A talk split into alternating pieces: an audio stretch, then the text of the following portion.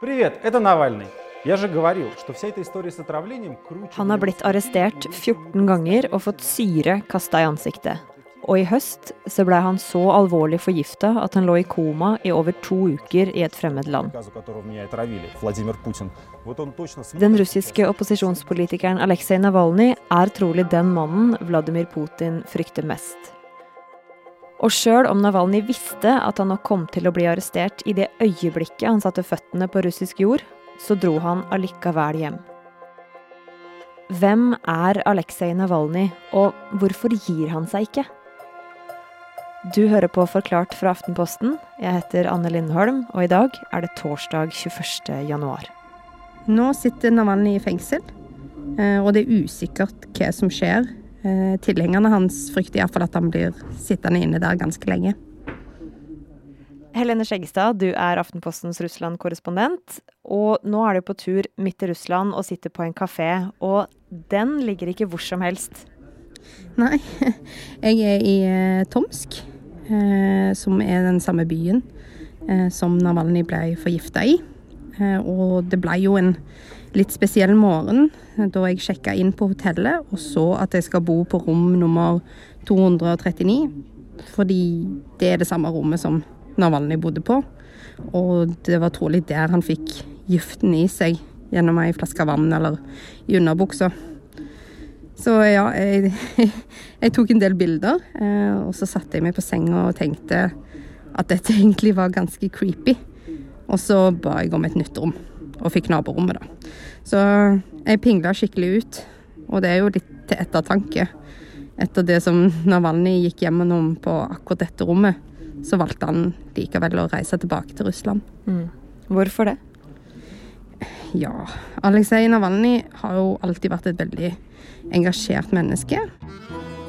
Han vokste opp eh, like utenfor Moskva. Eh, ukrainsk far, russisk mor. Eh, tilbrakte sommerferien i Ukraina hos bestemora. Så studerte han juss, og han ble advokat. Og han tar òg en grad innenfor økonomi. Og så blir han jo ganske fort politisk aktiv og melder seg inn i det partiet som heter Jablaka, som er et sosialliberalt parti. Eh, og stiger etter hvert i gradene innenfor det partiet. Men så har han Han er òg kjent for å ha et eh, nasjonalistisk syn, etnonasjonalistisk. Mer enn det som er vanlig innenfor i partiet. Og i 2007 så ble han kasta ut. Og begrunnelsen var at han skada partiet med såkalte nasjonalistiske aktiviteter. Og så skjer det noe som skal gi Navalny internasjonal oppmerksomhet. For på et årlig møte for aksjonærene i Russlands tredje største oljeselskap, det myndighetsvennlige Surgutnjeftegass, har 300 mennesker møtt opp for å høre åssen ståa er i selskapet. En av dem er Aleksej Navalnyj, som har kjøpt aksjer for rundt 2000 dollar, og dermed eier en liten del av selskapet. Vanligvis så er de møtene strengt lagt opp, og små aksjonærer pleier å sitte rolig, høre på og drikke teen sin mens tallene legges fram. Men på akkurat det her møtet så skjer det noe uventa. For etter at den administrerende direktøren har talt, så har Navalnyj bedt om å få ordet. Han reiser seg opp og spør hvem eier Surgutneftegass? Og det blir helt stille i auditoriet. Før noen få, helt bakerst, begynner å klappe. Og svaret til den administrerende direktøren? Det veit jeg ikke, sier han. Og heldigvis for Navalny så er det en journalist fra Associated Press som er der, som kan fortelle om det hun nettopp har vært vitne til. Det som gjør at denne hendelsen får mye oppmerksomhet, er jo nettopp det at Navalny påpeker et av de store problemene i Russland. At det blant landets største bedrifter, og da de er ofte oljeselskaper, så finnes det korrupsjon. Alle vet det, men få har turt å snakke om det. Og et av disse selskapene var altså Surgutneftegass, som var drevet på en måte som var veldig lite transparent og hemmelighetsfull, og, og da muligens korrupt. Så det Navalny ville få fram med spørsmålet han stilte, var at det var ingen som visste egentlig hvem som eide hva i selskapet. Nettopp fordi det var drevet av en elite som fikk holde på akkurat sånn som de ville.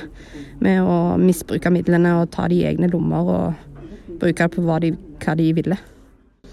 Så egentlig med andre ord, da, så han satte fingeren på den ukulturen som finnes i Russland, med uklare koblinger mellom folkevalgte offentlige selskaper og enorme pengesummer. Men det de 300 menneskene på det her møtet i Sorgotnjeftegass ikke veit enda, er at mannen foran dem, med det kommuneblonde håret og blå øya, han skulle bli den eneste mannen som skulle ha noen sjanse til å utfordre den mektige Vladimir Putin.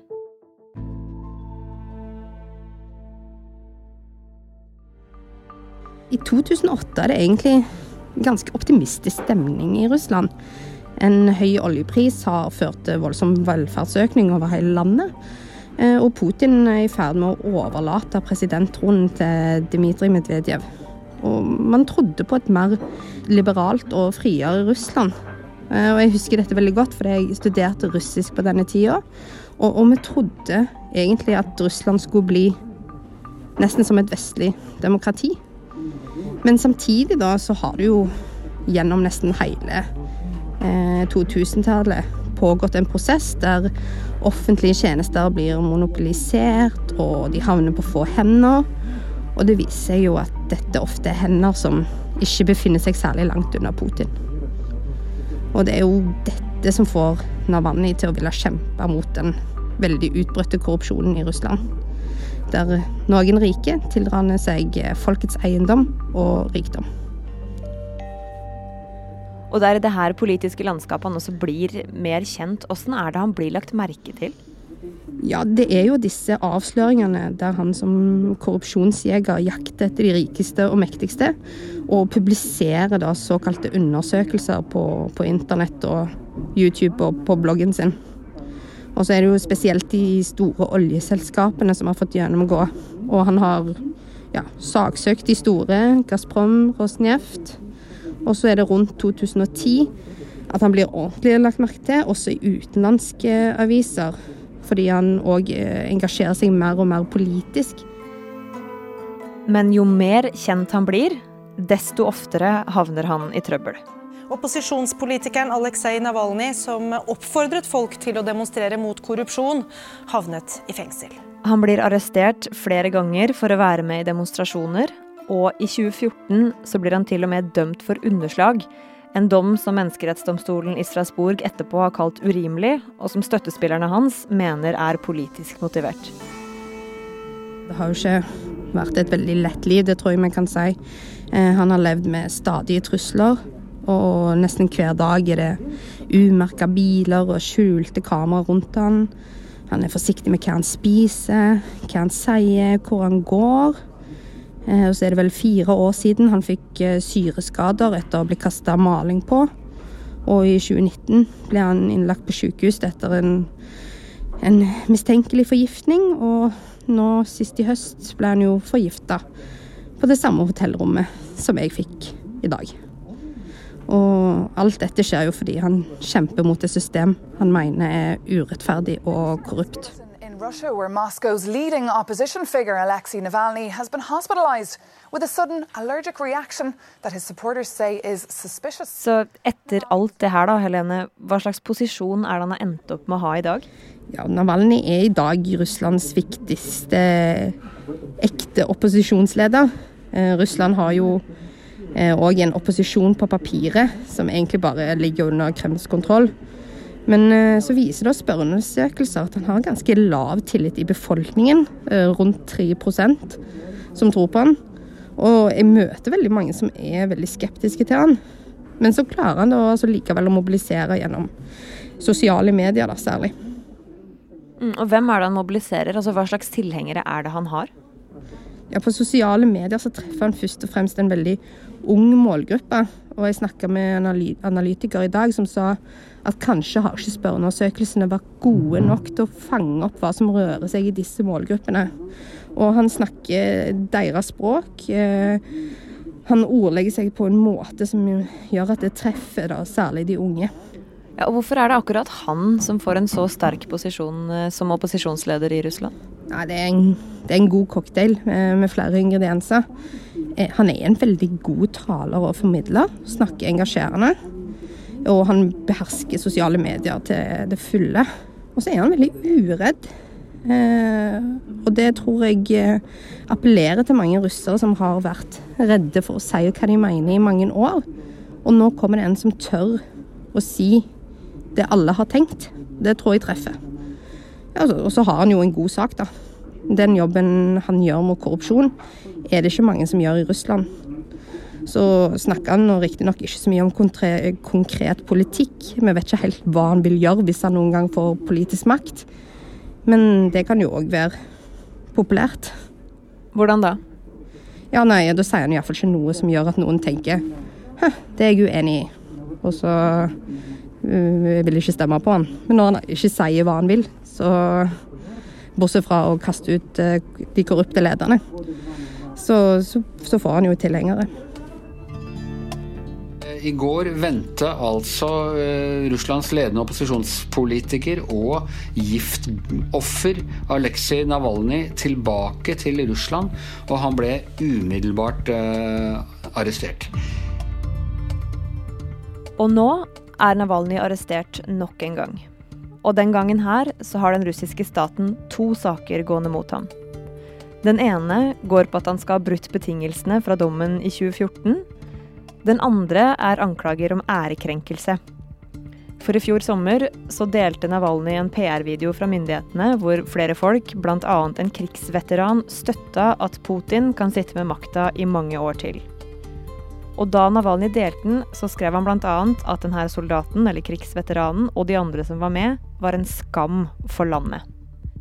Og det at myndighetene hadde de to sakene gående mot han, og at han nok kom til å bli arrestert da han landa, det visste han da han satte seg på flyet tilbake til Russland på søndag.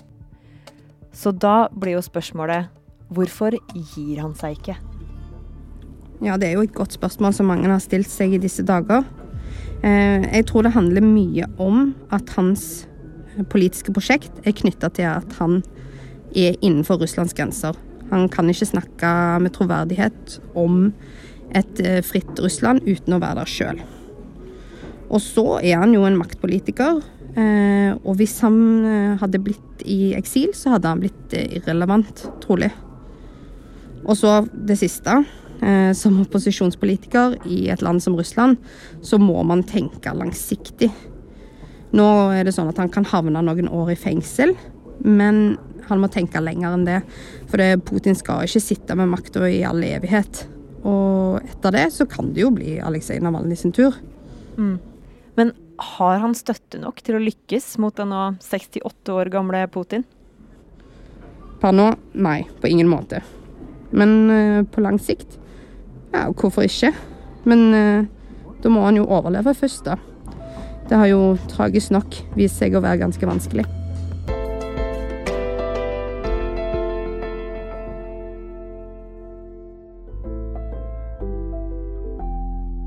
Denne episoden er lagd av produsent Ina Swann og meg, Anne Lindholm. Resten av Forklart er Karoline Fossland, Marit Eriksdatter Gjelland og David Vekoni.